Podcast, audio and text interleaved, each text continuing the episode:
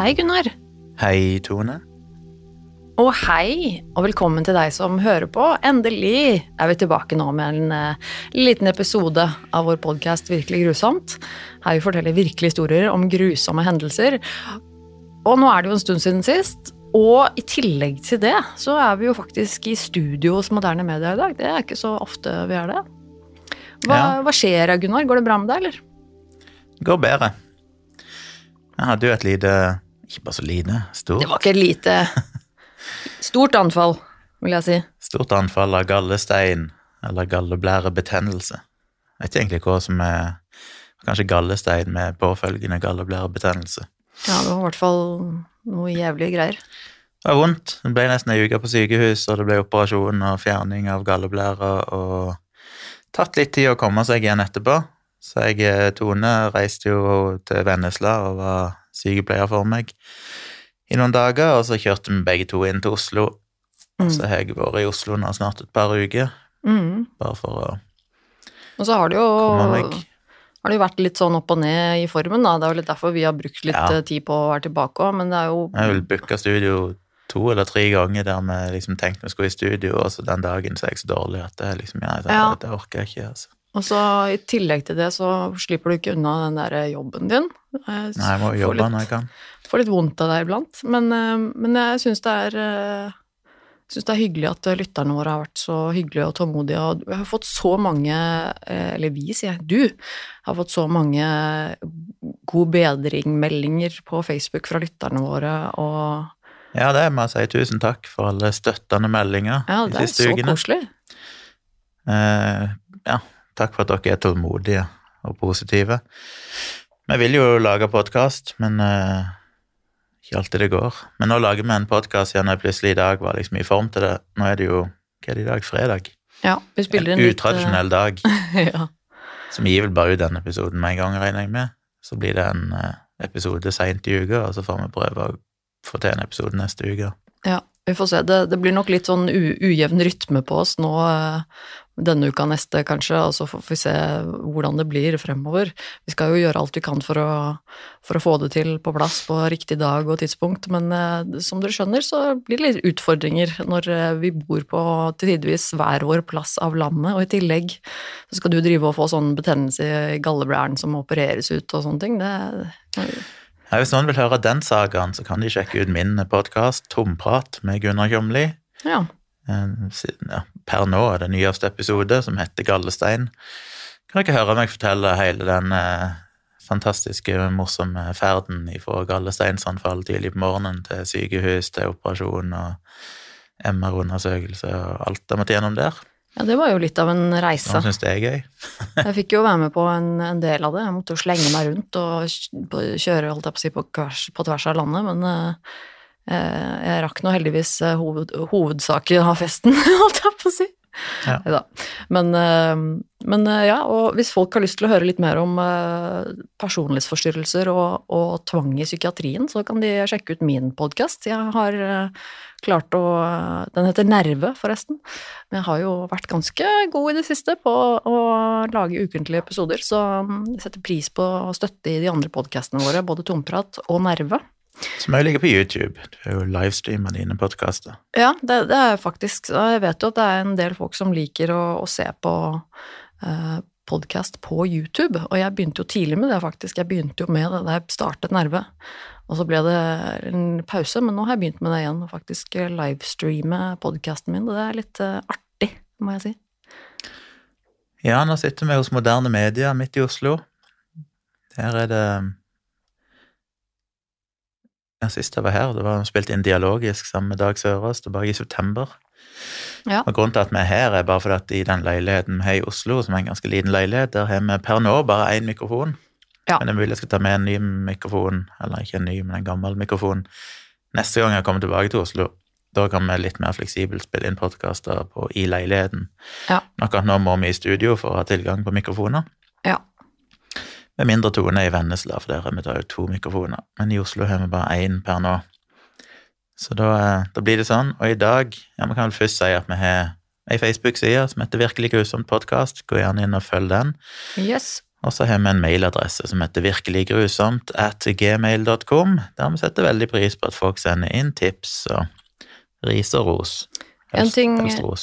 Ja, hel- helst ros, det er hyggeligst, selvfølgelig. Uh, Men én ting jeg tenkte på også, som uh, i løpet av disse de siste par månedene nå, så har vi jo prøvd litt forskjellige ting. Vi, vi hadde jo en episode som vi spilte inn på, på hver vår kant av landet, uh, som, vi, som vi spilte inn over nettet, du og jeg.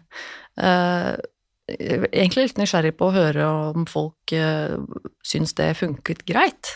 Ja. Um, Jeg har en lyttervenninne som hørte på episoden. Hun sa at hun ikke reagerte noe videre på det, og syns egentlig det funka veldig fint. Ja. Eh, Selv så syns jeg jo der under innspillingen at det var helt forferdelig, fordi jeg syns det, eh, det var så rart, og det var så Den drev og hakka litt iblant, så hørte jeg ikke hva du sa, og jeg følte meg jo så dum. Men, eh, men alt sånne ting går det an å tweake litt. Men jeg tenker at eh, hvis folk syns at det gikk fint, så er det jo et alternativ for oss de gangene vi ikke kan sitte sammen. Og det er jo litt fint å vite. Mm. Hva har du for oss i dag? Jeg er egentlig teit å spørre, jeg vet hva du skal snakke om, Gunnar, men eh, har du lyst til å begynne, kanskje? Ja, det blir nok en, eh, en relativt kort episode i dag. eh, Sånn får det bare bli på tampen av uka. Ja. Men vi, vi skal til en flysak igjen. Ja. Vi er jo glad i fly, og det har vi skjønt at mange lyttere er òg. Hadde egentlig tenkt å ta en annen flysak, men uh, så kom. Tone med her for et par uker siden, når vi først Ja. hadde tenkt å spille inn, og så ble det aldri noe. Så kom du med en, en annen sak uh, Ja. som jeg tenkte vi kan ta. Den er jo litt sånn litt fascinerende. Uh, det er kjent som Saudia Flight 163. Mm. Og dette er jo en god stund siden, faktisk. Det er jo en gammel sak blitt. En gammel sak, det var 19. august 1980, og på det tidspunktet så var dette den nest største flyulykka, eller flykatastrofen som hadde vært, sånn målt i antall døde. Mm. Eh, for dette var før den eh, nei, den Tenerife, Tenerife-katastrofen. Mm. som vi snakket om for noen episoder siden, som vi regna som den største. Mm. Eh, og det har vel skjedd andre òg etter det som har vært større men, eh, enn denne her. Men dette var på det tidspunktet det nest verste. Den verste var visstnok en eh, Turkish Airlines flight 981. Kanskje det er jo en historie vi må ta en dag. Mm. Jeg kjenner ikke til i farten. Mm. Eh, Dette var vel fortsatt muligens den dødeligste ulykka i spesifikt en flytype som heter Lockheed L1011 TriStar.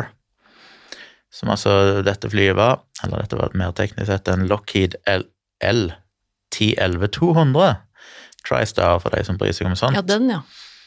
Som var registrert i Saudi-Arabia. Eh, og det var et veldig nytt fly. Han hadde hatt sin første flytur 13. juli 1979, Mm. og flyselskapet Saudia de overtok flyet 21. august 1979, altså nesten på dagen et år før denne ja. ulykka. Så det var et helt nytt fly, egentlig, som bare hadde vært i drift i ett år.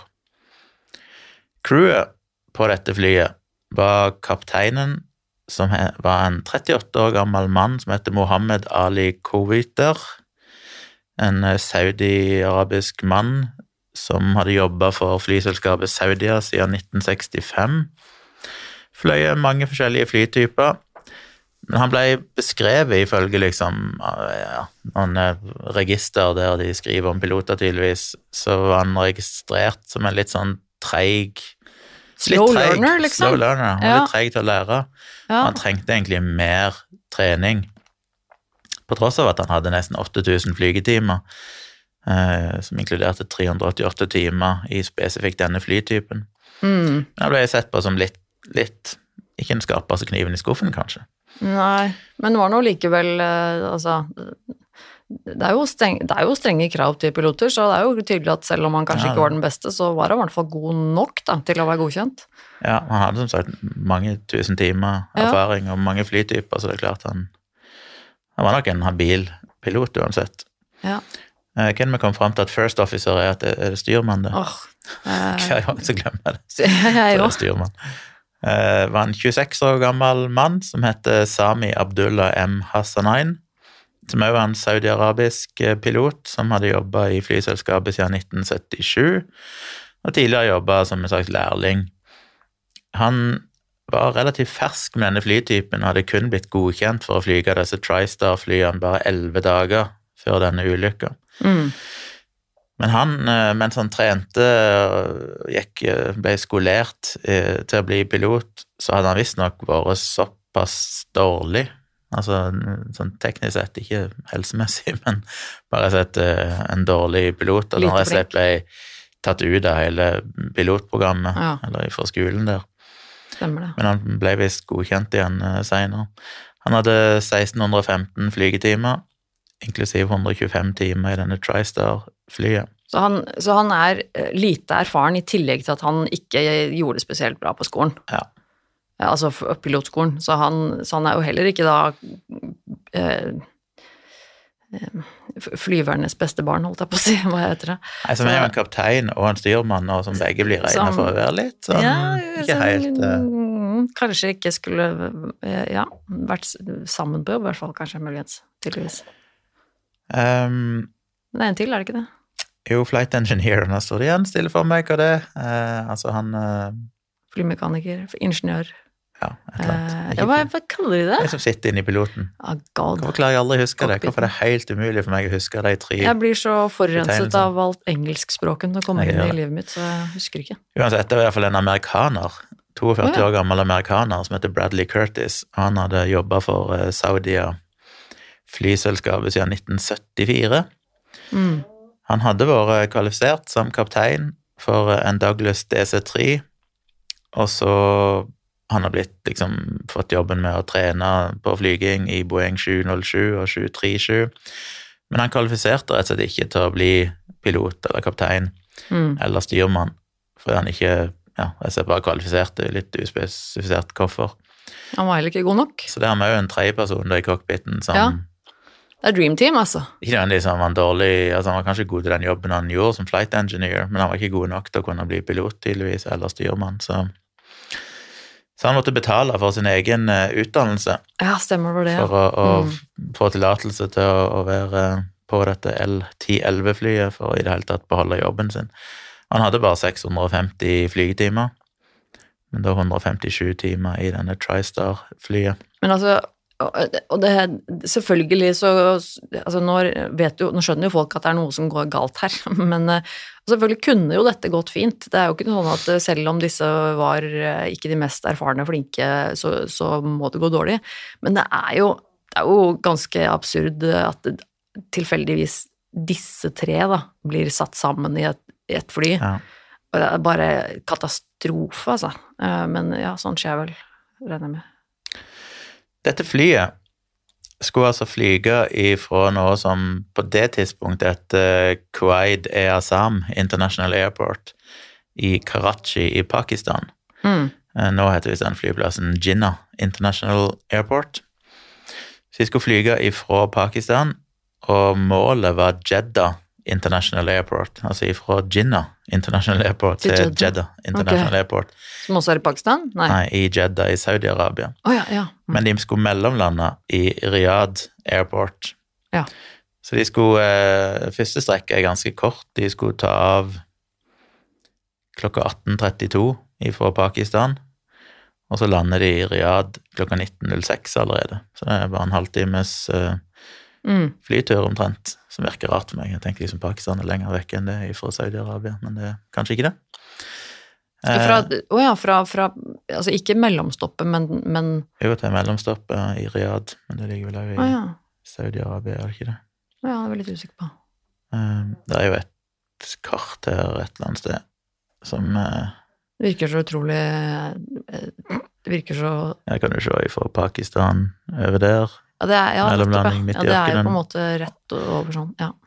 Eh, Det virker jo egentlig helt absurd å liksom skal dra et sted hvor du trenger å fly en halvtime, på en måte. Altså sånn Det er jo opp i lufta og så ned igjen med en Skjønner ikke at det er bare en halvtime når jeg ser på kartet, men ok.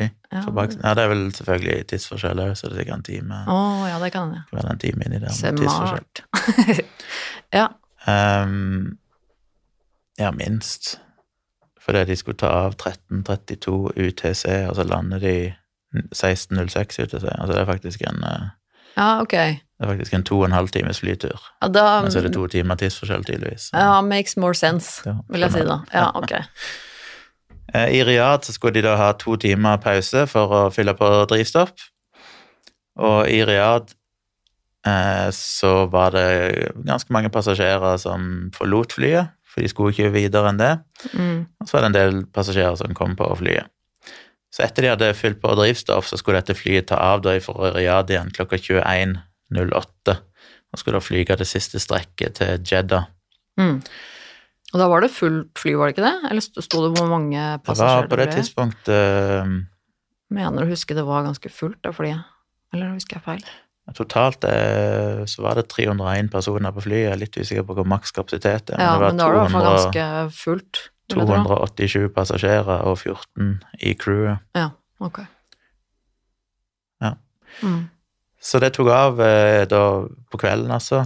Litt over klokka ni på kvelden. Og takeoff og alt mulig sånn gikk helt normalt. Men da de bare var rundt sju minutter i det, oppe i luftet, så fikk de plutselig noen alarmer som tyda på at det var røyk som kom ifra lasterommet på flyet. Mm.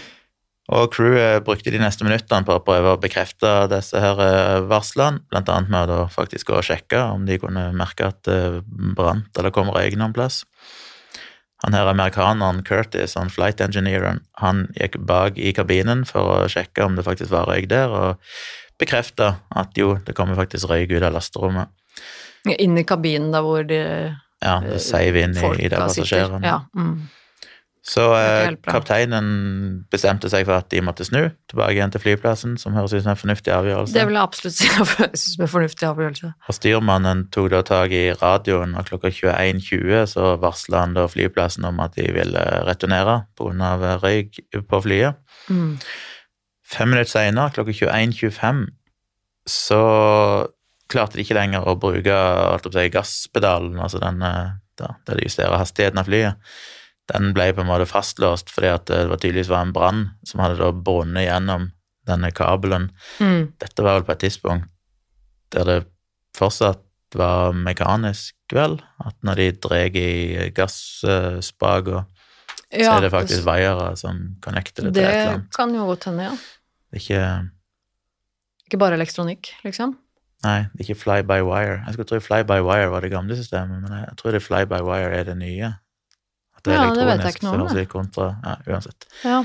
Kanskje Nei, det var uansett, altså det er jo eh, komplisert maskin dette her. Det er jo på en måte, ting henger jo sammen rundt om i hele flyet. Så det er klart at hvis noe bak eh, begynner å brenne og, og det går utover eh, ting som er i flymaskinen, så er det klart at det Mm. påvirker jo kontrollene til de som styrer flyet. Så er, det er vel den der spaga de drar i, regner med. Nei, det er vel ikke. Ikke spaga, selvfølgelig. Det er den mellom på konsollet. De er sånn eh, trust eh, Throttle-greie. Ja. Og da har de jo ei spake for hver motor, som de gjerne Ja, beveger synkront samtidig. Men den som var til nummer to, eh, så vidt jeg kan skjønne her, så Hvor mange motorer har de på dette flyet? Det er et fly med én motor på hver vinge, og så er det én motor bak liksom på haleroret, eller halefinna. Ok. Så jeg tror nummer to er den som er bak på halefinna. Den slutta å virke. Ah. Så eh, ja, og den motoren ble helt skrudd av Mm. fire minutter seinere, idet de var i ferd med å komme inn for landing, så ble den bare ja, slutta å virke. Det er for så vidt ikke noe kritisk for flyet, sannsynligvis. De kan seg vel fint med de to motorene. Og igjen, det er jo sånn ting vi har nevnt i tidligere episoder hvor vi har snakket om flyulykker også, at eh, et, eh, et fly eh, Det at en av motorene blir, blir ødelagt og må, må stoppes, eller altså som, som brenner ut, det I utgangspunktet så går det eh, fint an å, å lande et fly med bare én motor. Ja. Eh, Det er jo disse trent for også, disse pilotene, så i utgangspunktet så, så tenker man jo at ok, Det er redundans på redundans på redundans i flyene. det er eh, jævlig kjipt. men men det, det skal jo i utgangspunktet gå bra hvis man gjør ting riktig. Ja. Og det gjorde de jo her òg. Eh, bare som De erklærte jo en sånn nødgreie klokka 21.20, og allerede klokka 21.35 eh, Nei, eh, de bestemte seg for å snu klokka 21.20. Klokka 21.35 så erklærte kapteinen at dette var en nødsituasjon, og, Mm. og endte opp med å lande i Riyadh kort tid etterpå. Allerede 21.36 så landa de. Og de landa helt fint, det var ikke noe problem det. På det tidspunktet så var det ikke nødvendigvis noen store problemer. Det kom vel røyk inn i kabinen. Eh, Vi vet jo ikke helt hvor kritisk det var. Men flyet landa, men så fortsatte det å kjøre ned hele lengden av rullebanen, som muligens var litt unødvendig, det er litt usikkert hvorfor han gjorde det. Det er jo en rullebane som var eh, fire kilometer lang. Altså han, Så så han den landa, og så bare kjørte han helt til enden av rullebanen, der han til slutt kjørte av rullebanen og stoppa liksom på en sidespor. Altså det, det er helt sånn Her, ja, det brenner litt i flyet, det går fint. Det er helt kaos bak i kabinen, og folk begynner å få ganske panikk for at de kommer til å dø. Det er fullt av røyk, og folk begynner å trekke framover i flyet og skrike og rope. Ja, ja, men det går fint, vi klarer å lande. Flott. Um, la meg nå bare taxi fire kilometer bortover her. Og det er litt upraktisk, for det er brannbilene og alt utstyret for å slokke brann, de var i, i det området der flyet faktisk lander. Yes, Men flyet fortsatte bare å kjøre til enden av rullebanen. Eh, kanskje fordi han tenkte at sånn, nei, jeg må ikke, ta, må ikke stå i veien for noen, så han kjørte bare helt enden, og så kjørte han av på et sidespor, og det betydde at alle brannbilene sånn måtte måtte kjøre etter. kjøre da, i flere kilometer etter flyet, før de endelig tok det igjen. Og da hadde flyet på en måte tatt av rullebanen og snudd 180 grader, så de sto i motsatt retning. Stoppa der, og fortsatt var det jo tydeligvis greit i flyet, iallfall framme i cockpiten, for crewet rapporterte at nå hadde de landa, de skulle skru av motorene og kom til å evakuere flyet. Men da disse brannfolkene sånn kom til flyet bare ganske kort tid etterpå, så var fortsatt motorene i full drift eh, på begge vingene. Og det gjorde at de ikke kunne åpne dørene på flyet for å evakuere flyet. Og de klarte først å få skrudd av disse motorene, gudene vet hvordan de gjorde det, fra utsida, men de fikk skrudd av disse motorene klokka 21.42. Det vil si seks minutter etter at de hadde landa. Men det her er jo helt absurd. Altså det sånn, det, her står jo flyet, og det, de har fått beskjed om at de må nødlande fordi det brenner. Og, det er, og, og så lander de, og så fortsetter de å liksom taxe litt bortover sånn, og så kommer liksom det redningsmannskapet kjørende i hui og hast etter dem, og når de endelig tar dem igjen, så er det fortsatt ingen som er Altså, det er ikke noe evakuering som skjer. Det er ikke noe det, Nei, men det er der vi ikke der. vet hva som egentlig skjer, da. Det gikk jo relativt fort. Altså, den eh, Dette flyet, etter det hadde landa, så taxa det vel kanskje i tre minutter, Men det er ganske lenge, altså. Og så, litt over tre minutter etter det igjen, så Mhm. fikk de endelig skrudd av motoren. Så Og så fikk de åpna rundt seks minutter etter at de hadde landa, så fikk endelig motoren bli skrudd av. På det tidspunktet så var det ingen som så noe brann på utsida av flyet, men du kunne visstnok se brann på innsida inne i kabinen gjennom vinduene ja. eh, i bakre delen av av flyet. Men først 23 minutter etter at um, motoren ble skrudd av, altså først klokka 22.05, så klarte de omsider å få åpna den ene døra bak på flyet. Og tre minutter etter det så brøt det ut full brann i flyet, som basically bare slukte hele flyet i brann. Og det endte opp med at samtlige på flyet døde. Alle sammen døde. 301 personer endte opp med å dø, selv om altså flyet hadde landa helt fint. Ja. bare ble aldri evakuert. De klarte bare ikke å-. Få ut ett jævla menneske fra det flyet. Det er helt utrolig. Men så vet vi jo ikke hva som egentlig skjedde, da. De landa jo og taxa jo i tre minutter og varsla om at nå skulle de skru av motoren og evakuere flyet, og så plutselig så var det stopp. Så om det da bare plutselig at alle tre i cockpiten da plutselig bare har segna om av røyk, gass, et eller annet At det skjedde så fort at de klarte å være liksom ved sine fulle fem til de hadde landa og taxa tre kilometer, fire kilometer, og sagt ifra sine intensjoner, og så bare plutselig så stoppa det. Så skjedde det ikke noe mer. Så det er klart Det vet vi ikke. Um, problemet med at ikke de fikk åpna dørene, var visstnok at eh, crewet ikke fikk tak på en eller annen sånn form for nøkkel eller et eller annet som de må bruke til å åpne dørene i finnsida i en nødsituasjon. Det tror jeg ikke er er, er, tilfellet nå lenger. Så vidt jeg vet, så må du ikke ha noe nøkkel Nei, for å kunne åpne dørene innvendig nødutgangene. Nei.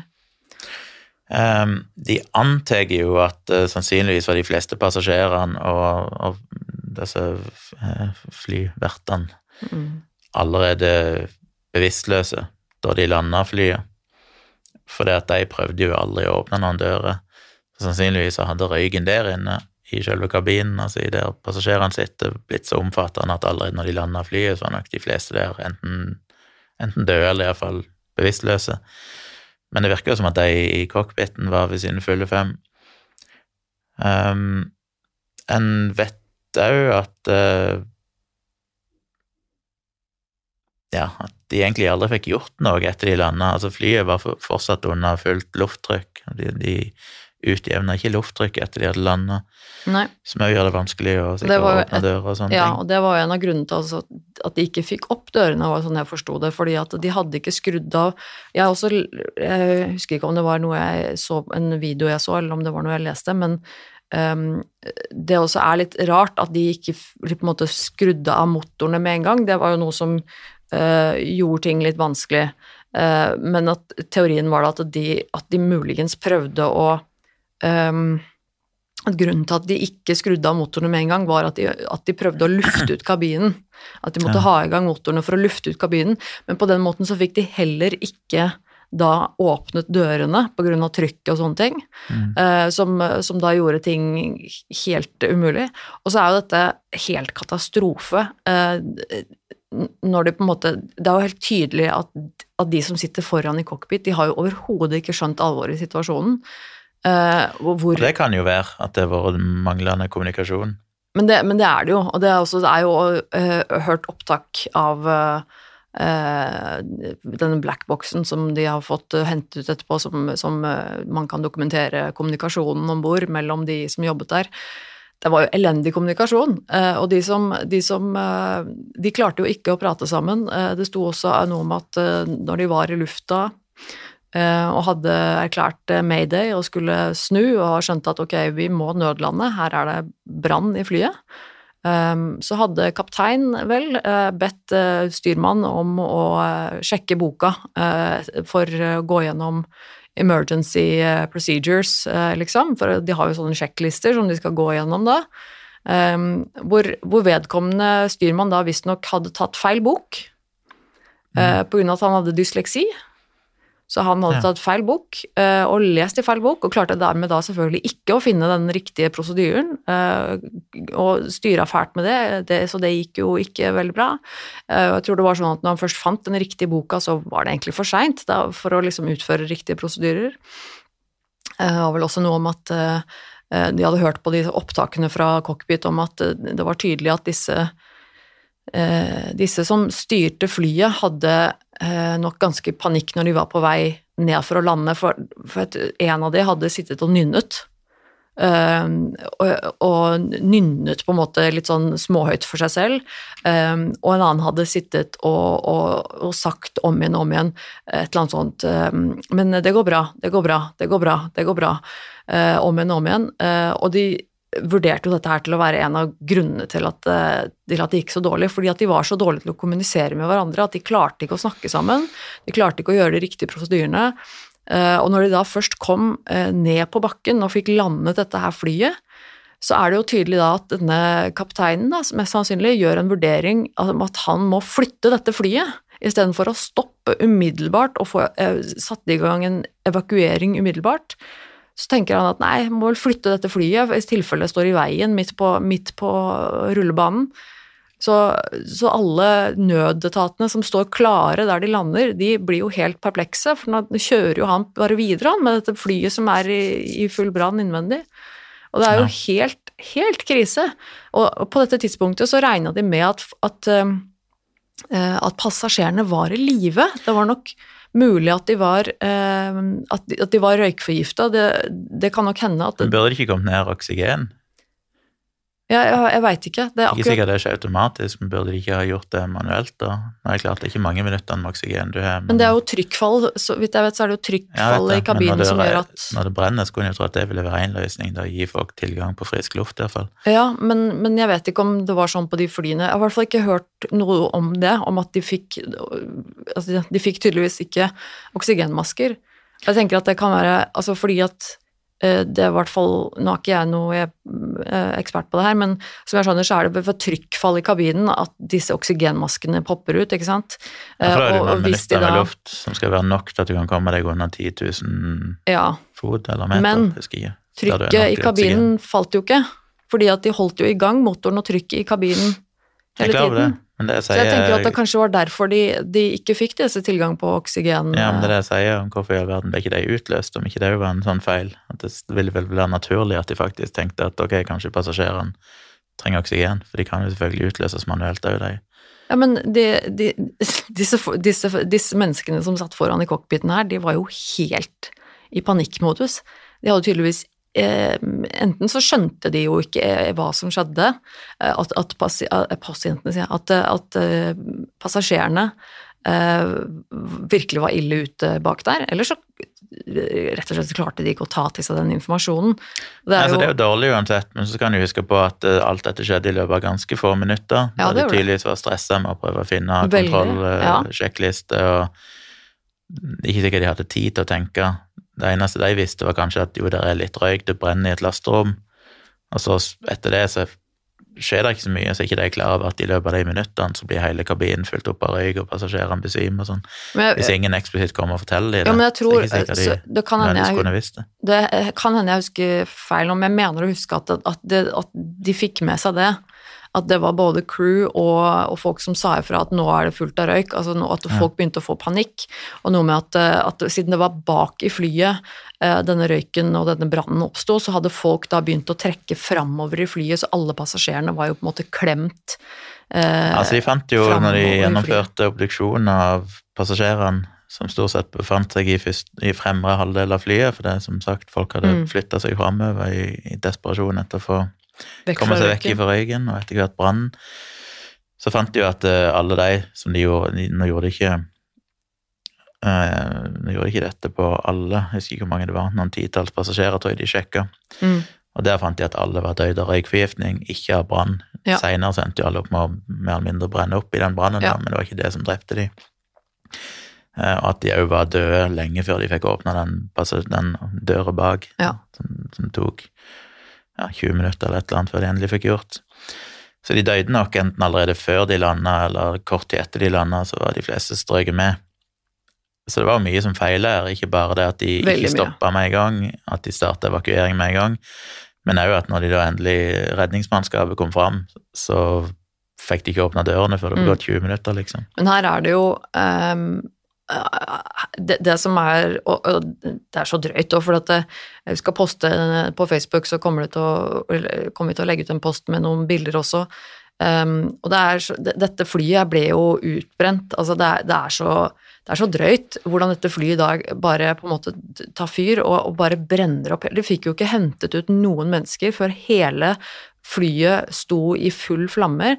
Um, så alle, alle selvfølgelig var De var nok heldigvis, som du sier, døde, eller i hvert fall hadde, eh, hadde besvimt fra, fra å gjøre røykforgiftelse, men røykforgiftning, men, men de hadde Men alt brant jo opp. Det var jo en helt sinnssyk brann, og det er jo helt, eh, helt utrolig eh, for, for meg så er dette sånn, jeg hørte den historien her, så ble jeg helt satt ut av hvor, hvor mange feil det går an å gjøre. At alle de tre, to eller tre da, som sitter i cockpit eh, gang på gang på en måte ikke klarer å kommunisere, de klarer ikke å gjøre det, ta de riktige valgene, eh, som da resulterer i at alle disse menneskene dør. Og det som, er så, det, det som er så tragisk, er at dette kunne jo gått bra. Mest sannsynlig så kunne det jo vært eh, mulig å redde noen av disse menneskene, i hvert fall i forhold til det jeg, sånn jeg skjønte det på det jeg har lest og sett. Men for at en sånn situasjon som det her, det, det, det er jo utgangspunktet mulig Og så tenkte jeg om han hadde, om, om kapteinen faktisk hadde stoppa.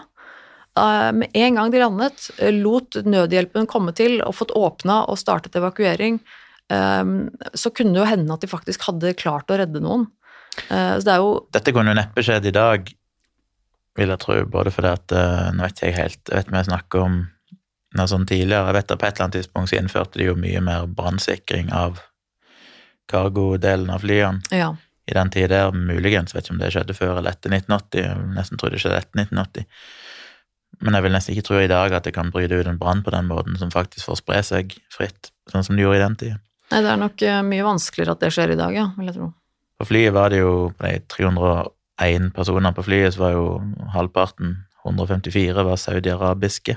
Mm. 85 var pakistanere, 32 fra Iran. Ellers var det litt fra forskjellige land. Finland, én finne, en franskmann, en italiener, en japaner osv. Så, videre. så det var liksom det var primært Saudi-Arabia og pakistanere, som i stor grad var religiøse pilegrimer som var på vei Mm. til Mekka for å Stemmer. feire ramadan. Eh, og også 32 religiøse pilegrimer fra Iran Mm.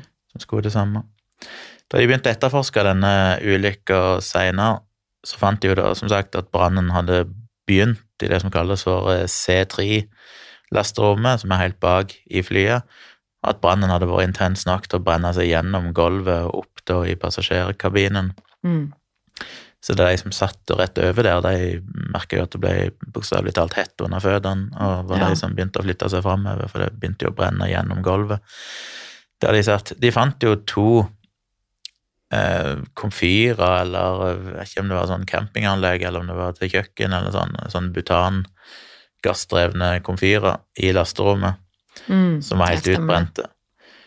Eh, men så de Noen hadde vel en teori om at det faktisk var noen i kabinen i flyet som hadde fyrt opp en sånn liten campinggreie for å lage seg litt te på flyturen. Ja, det var noen som påsto det, gikk de vel ja. vekk ifra seinere, at de fant Ja. ingen evidens for at det var tilfellet. Jeg tror det endte vel med at de ikke helt sikkert heller kunne fastslå arnestedet. Nei, at de, de, de visste ikke helt sikkert hva det var som gjorde at brannen starta, men at det mest sannsynlig skjedde da i dette lasterommet. Ja. Det er ingenting som Um, tyder på at nødvendigvis var de der butangasskomfyrene som egentlig starta i det hele tatt. Så. Nei, men, og det var jo så utbrent etterpå at det var egentlig ikke mulig å finne ut. På disse flyene så ble det jo da fjerna noe sånn eh, isolasjon som var rett over dette bakre lasteområdet, som sikkert var veldig brennbart. Ja. Så ikke det lenger så kunne skje. Hvis de begynte å brenne, så skulle de ikke plutselig begynne å brenne oppe i gulvet. Og de la jo da til en sånn glasslaminatforsterking av hele lasterommet, sånn at det skulle tåle mer og ikke kunne brenne gjennom. Uh, Pluss at de òg skulle fikk en ny type brannslukkingsapparat og alt mulig sånn på flyet. Mm. Og så kommer det jo som det alltid gjør med disse flyulykkene, at det de gjerne mm, virkelig, virkelig må banke inn og forbedre og modifisere etter sånne ulykker, det er jo det som kalles for CRM, Mm. eller Crew Resource Management.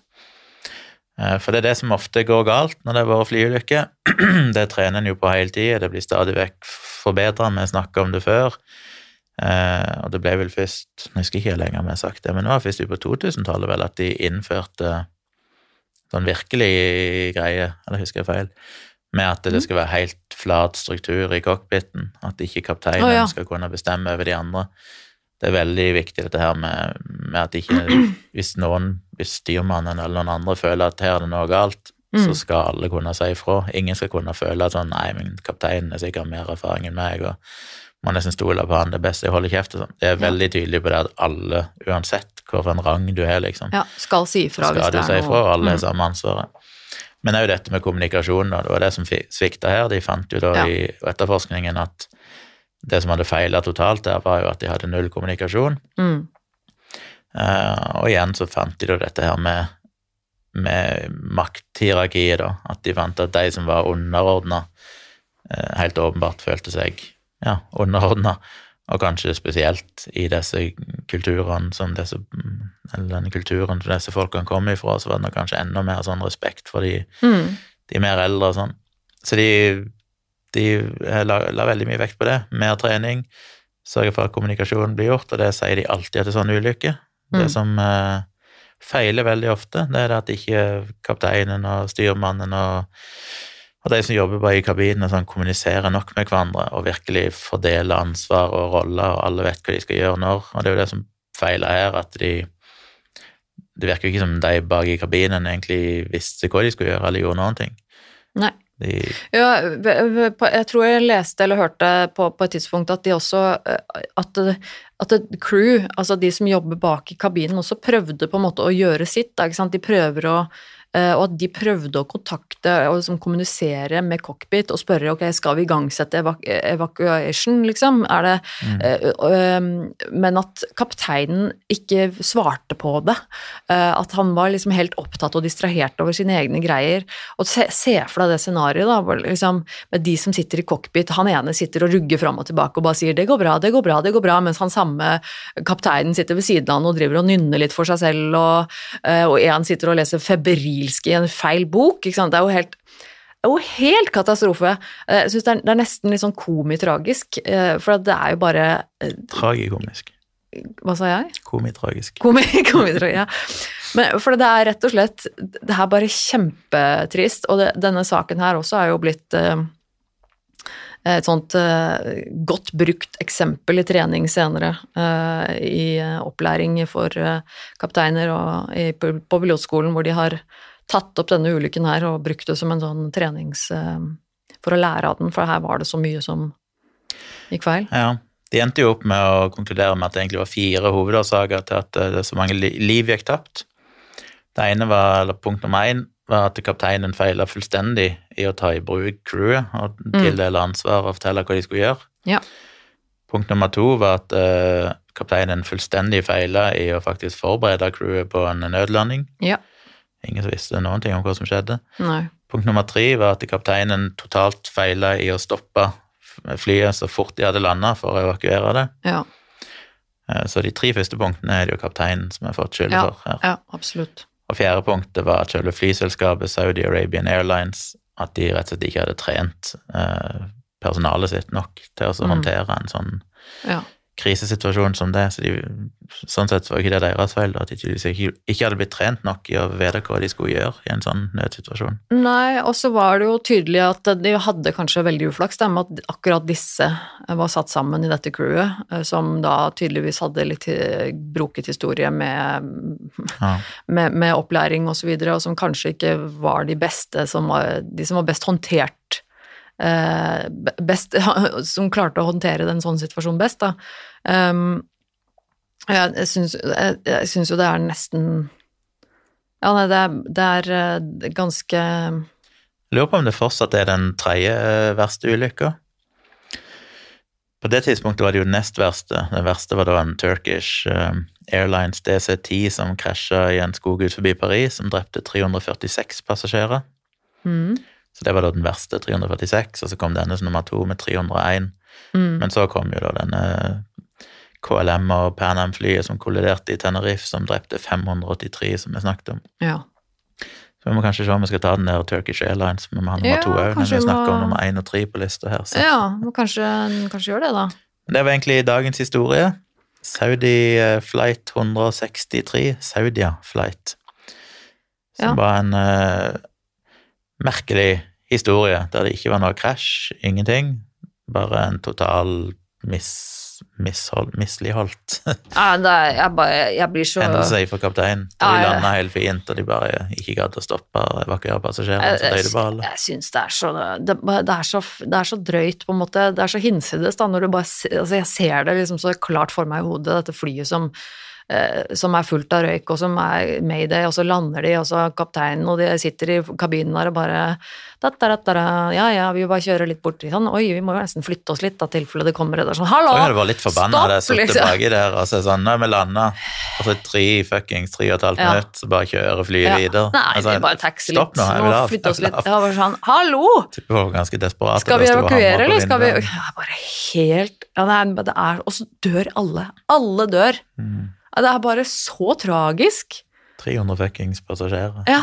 Nei, det, det er jeg må, Den episoden, eller den, denne hendelsen, syns jeg er, er verdt å få med seg, for den syns jeg er ganske grusom. Skal vi prøve å plassere den på grusomhetsskalaen også? Jeg syns jo det er Jeg syns jo det var For så vidt eh, er det jo en liten er den på dumhetsskalaen. Ja, herregud. Idiotiskala. Det er jo liten trøst for alle passasjerene, da, eh, tenker jeg, at de mest sannsynlig eh, besvimte av en behagelig røykforgiftning død, ja. eh, før, før de døde. Eh, og jeg tenker jo at det er jo en Men muligens noen minutter med ganske intens frykt og panikk. Ja, det er det. For, for nettopp liksom før det, så tenker jeg at da er det ganske jævlig å være på det flyet. ass. Når du liksom merker at shit, nå begynner det å fylle seg opp med røyk i kabinen, alle begynner å trekke framover og skrike og være i panikk og uh, Jeg tipper det er ganske mye dødsangst i den kabinen der da, totalt sett. Um, og så er det jo og så er det jo bare så mye dumskap og dårlige beslutninger, og at alle dør. Jeg tenker altså, Og så er det jo mange mennesker da, som dør. Eh, veldig unødvendig. Jeg tenker jo at dette må Sju? Sju? Hva kaller han? Ja. Det er ikke så grusomt på en måte, men siden det er så mange, og sikkert mange barn blant passasjerene òg, for alt vi vet, Ja. sånn det føles på. Familier, ja. Det var nok det. Så familie, det. Ja, igjen må jeg bare understreke, ja, sju er sikkert fint. må bare understreke igjen, da, for ikke gi folk flyskrekk, at dette var i 1980, det er 40 år siden. Det er mye som har skjedd, Mye som har eh, skjedd, både med Altså. trening av uh, kaptein og flypersonellet, og ikke minst teknologien på flyene med automatisk brannslokking og mye bedre brannsikring av lasterom og mye strengere regler for hva du kan ha i lasterommet. Jeg tror ikke du hadde fått lov å transportere gassovner i et fly i dag. Nei, jeg tror ikke Tviler det. Men, uh, men ja, så ikke vær redd. Vi har ikke hørt om noen sånne situasjoner på Nei, veldig sånne lang tid. flyulykker blir jo heldigvis sjeldnere og sjeldnere, det er jo en grunn til det. Ja. Um, men ja, det, det var jo det var da, nesten dagens det, det, var, det var dagens. Vi får nesten si takk eh, til alle, og så må vi minne folk på det om å gå inn på Facebook uh, og så søke opp Virkelig grusomt podkast, og så følge oss der. Eh, og så kan du gjerne sjekke ut den posten vi legger ut. da. Eh, vi skal legge ut noen bilder og, og litt lenker og sånt til dere som har lyst til å, eh, til å sjekke ut i hvert fall én YouTube-video jeg skal linke til der, som er ganske kort og interessant. Um, og så um, Hva mer var det vi skulle si? Jo, det var denne mailadressen, da. Ja. Vi har jo en mailadresse, virkelig grusomt at gmail.com. Der tar vi imot uh, veldig gjerne tips og tilbakemeldinger fra dere. Det setter vi stor pris på. Så det er veldig kult om dere går inn på Apple Podcast eller andre plasser, Spotify og sånn, og gir dere fem stjerner hvis dere liker podkasten. kan gjerne skrive en hyggelig kommentar òg. Det er alltid like deprimerende å gå inn der, for det er bare haters som skriver kommentarer. Jeg syns det er ganske sært, altså. Vi får stadig flere lyttere, og folk ser ut til å like podkasten, men går du inn og leser kommentarene, så er det bare sånn 'Dette er den verste podkasten', bla, bla. ja. Så det er alltid fint med litt eh, balanse der, så hvis dere faktisk liker podkasten, så er det hyggelig om dere tar dere bryter og skriver noen hyggelige kommentarer inne på Apple Podcast og sånn. Men uansett, iallfall gi fem stjerner. Det koster dere lite Mm, og betyr veldig mye for oss, det gjør det. så det setter vi pris på. Takk for at dere hørte på igjen, folkens. Vi setter stor pris på tålmodigheten deres og all rausheten. Mm. Og så eh, forhåpentligvis så er vi tilbake da eh, i neste uke. Eh, litt usikkert nå akkurat hvilken dag og sånn, men, eh, men eh, abonner. Husk å abonnere på oss overalt, så, så dukker det opp en episode om ikke så altfor lenge, da, regner vi med. Hmm. Da tar vi helg. Det gjør vi. Ha det. Ha det.